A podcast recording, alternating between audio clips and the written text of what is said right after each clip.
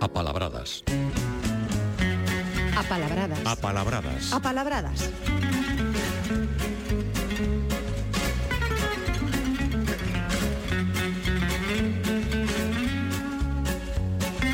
Pasapalabradas, como cada sábado, con Paulino Novo. Moi bons días. Que tal, bons días? Déixame dicirche antes de nada que hoxe tes un aspecto moi moi doce. Por que será? Eh, bueno, agradecese, agradecese.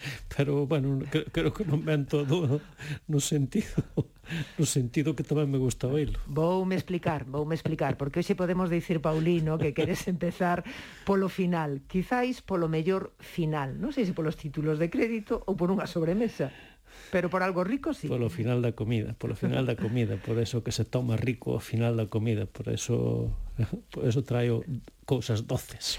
E en galego non se di postre, pero podemos tomar sobremesas. Exactamente. En galego temos a sobremesa, para ese momento do final da comida, onde se toma doce ou se toma froita.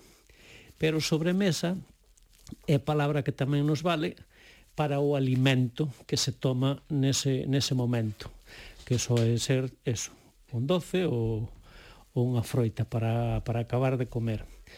En portugués teñen tamén sobremesa para, para esta comida de fi, do final, non? aínda que en algúns dicionarios, eh, concretamente no Cándido de Figueiredo e no UAIS, que hai moitos dicionarios vos en portugués, pero hai dous para min especialmente vos. Un máis bello, Cándido de Figueiredo, un exemplo de dicionario moi completo, e outro máis moderno do Brasil, eh, UAIS, que ademais de ser un bon dicionario do portugués, para min é un exemplo de dicionario, de técnica de dicionario de que abrangue de, eh, de perfección.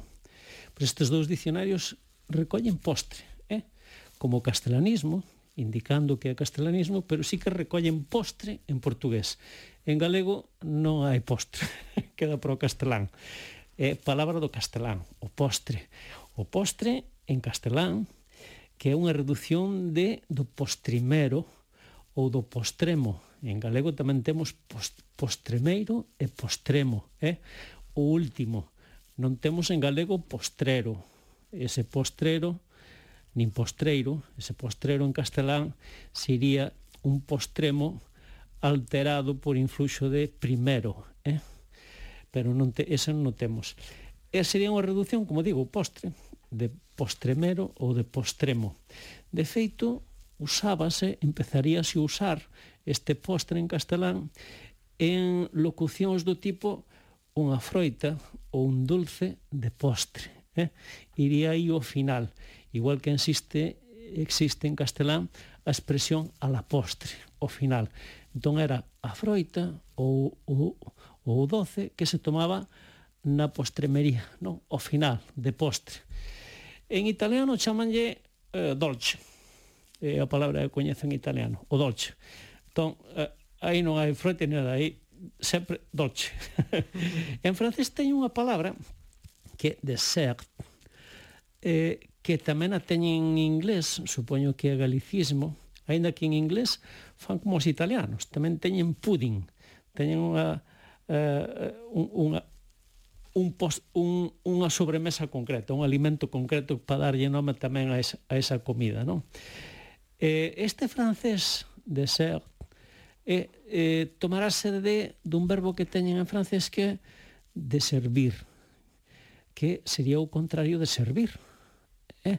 Entón, de ser, servir é poñer a mesa, e de servir para el se levantar a mesa, sacar todo o que se puxo antes na mesa, e coincide ese momento de sacar da mesa no momento en que acabas de comer e se toma, e se toma a sobremesa.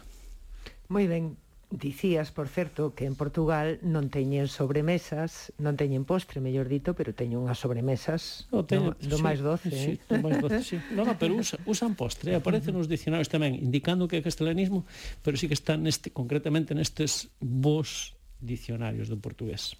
Moi ben, pois se che parece cambiamos de alimento, imos ir a un alimento, pero neste caso dos animais, a forraxe, que ademais é unha palabra que nos vai levar bastante ao mundo dos exércitos, cando neles había moitos cabalos que había que alimentar. Sí, eh, a forraxe, a forraxe é a erva verde ou seca que coa que se alimenta o, o gando, non?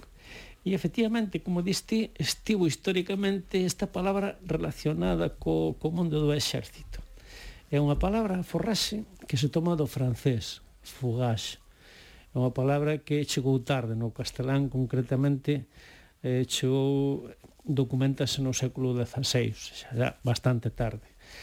Eh, seguramente con, crese que se trouxo eh, de Italia, que traerían os soldados españois que foron a Italia porque ali no italiano estaba a palabra que a súa vez se tomara do, se tomara do francés.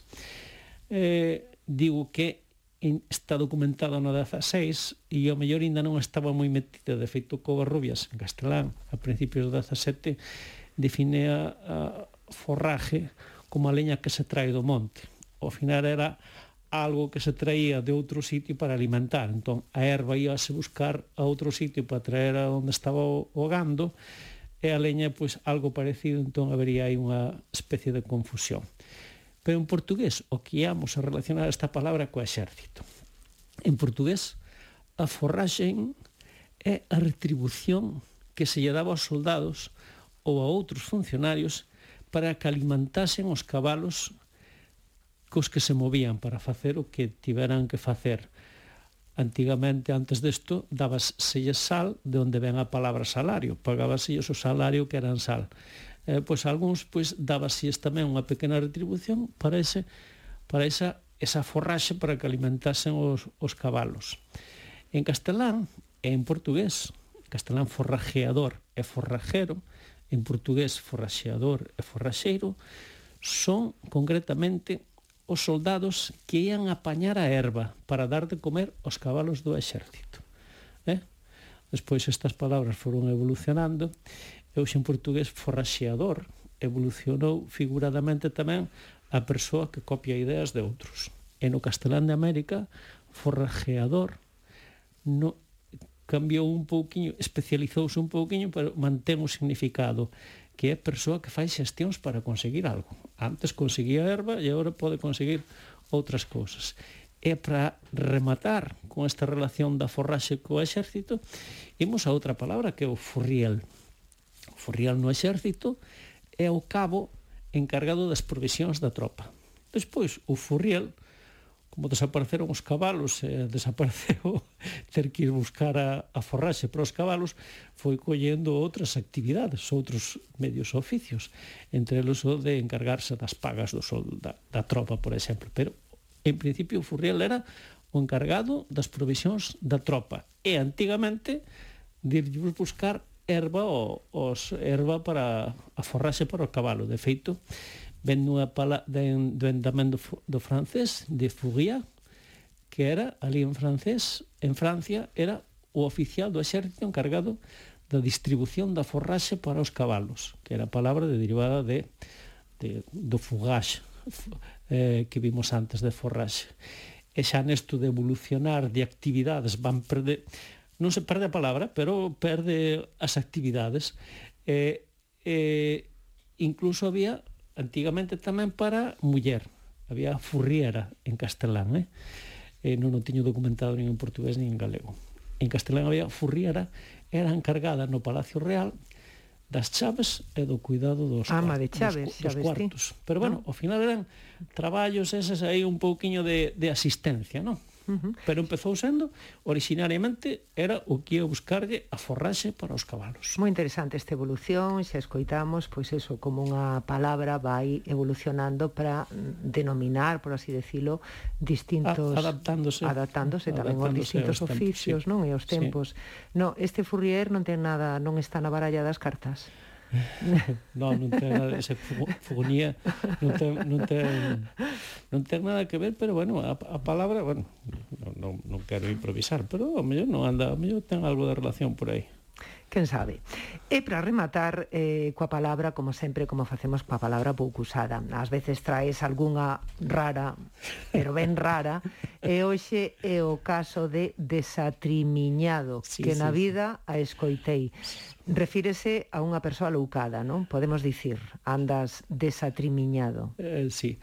Eh, sí, ás veces encargamos entre palabras ben raras que, bueno, de pouco uso, pero tamén nos gusta, sabes que me gusta sí, traer sí, sí. palabras así raras pa, para pechar, para pechar a colaboración, ¿no?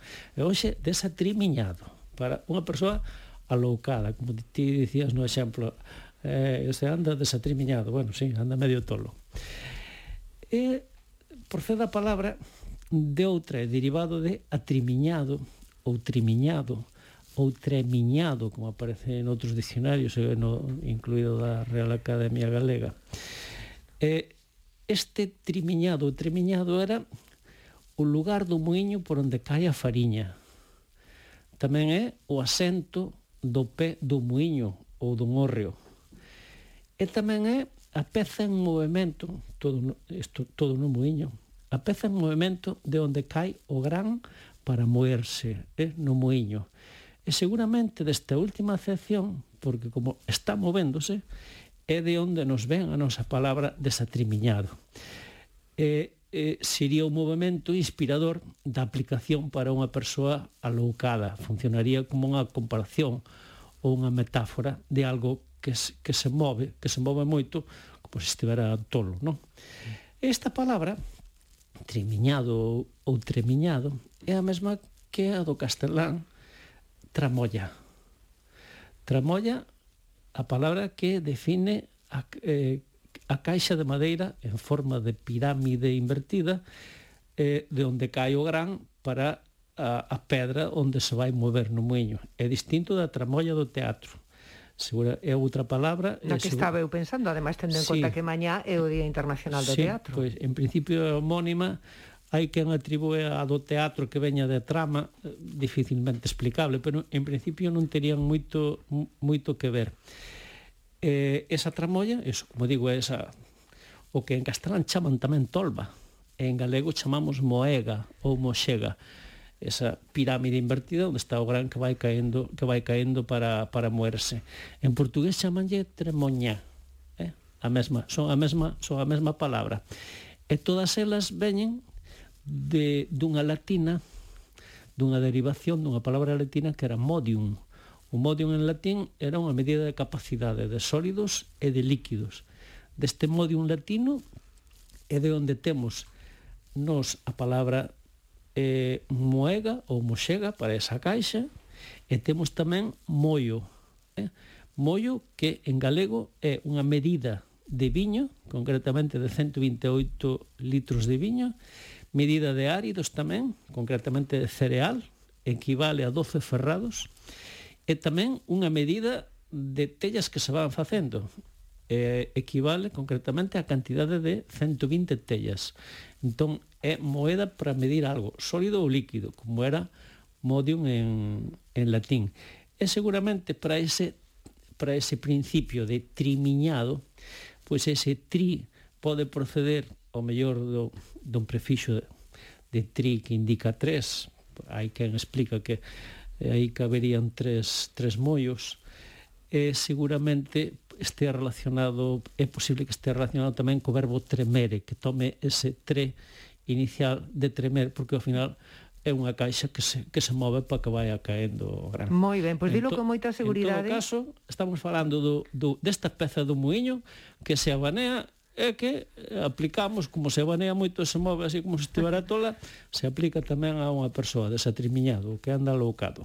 Pensaba antes no mollo que por iso quería interrumpirche. Digo, é así esas medidas que das con absoluta seguridade mentre ninguén das das ribeiras, sí, eh? Sí, sí, sí porque son onde tri... se cultivan os nosos viños, sí, diga o contrario. Sí, digo digo porque son un atrevido e porque collo de dicionarios, pero ne, nesto das medidas Eh, eh, que conste así nesto das medidas, varía varía igual que os nomes dos peixes na costa.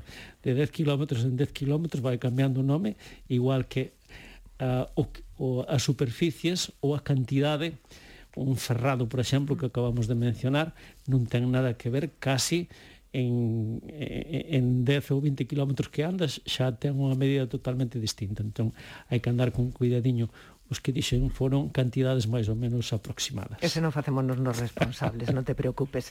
En fin, desa trimiñados se non escoitaron nunca esta palabra ou se simplemente a tiñan un pouco confusa. Hoxe recordamos un pouco a través desta explicación de onde ven, en que consiste, a que se refire. Que aquí Paulino Novo, desde logo, non é sospeitoso de ser nada desatrimiñado. Hoxe, hoxe non, hoxe non. Mañá non sei. Paulino, rematamos. Mañá outro día, por certo, non te, non te esquezas de, de cambiar o reloxo. Sí, eh? cambiar, sí. É sí, importante. Acordar, sí. Mm. Pois que descanses. Igualmente. Grazas, Paulino, que teñas un bo sábado. Igualmente.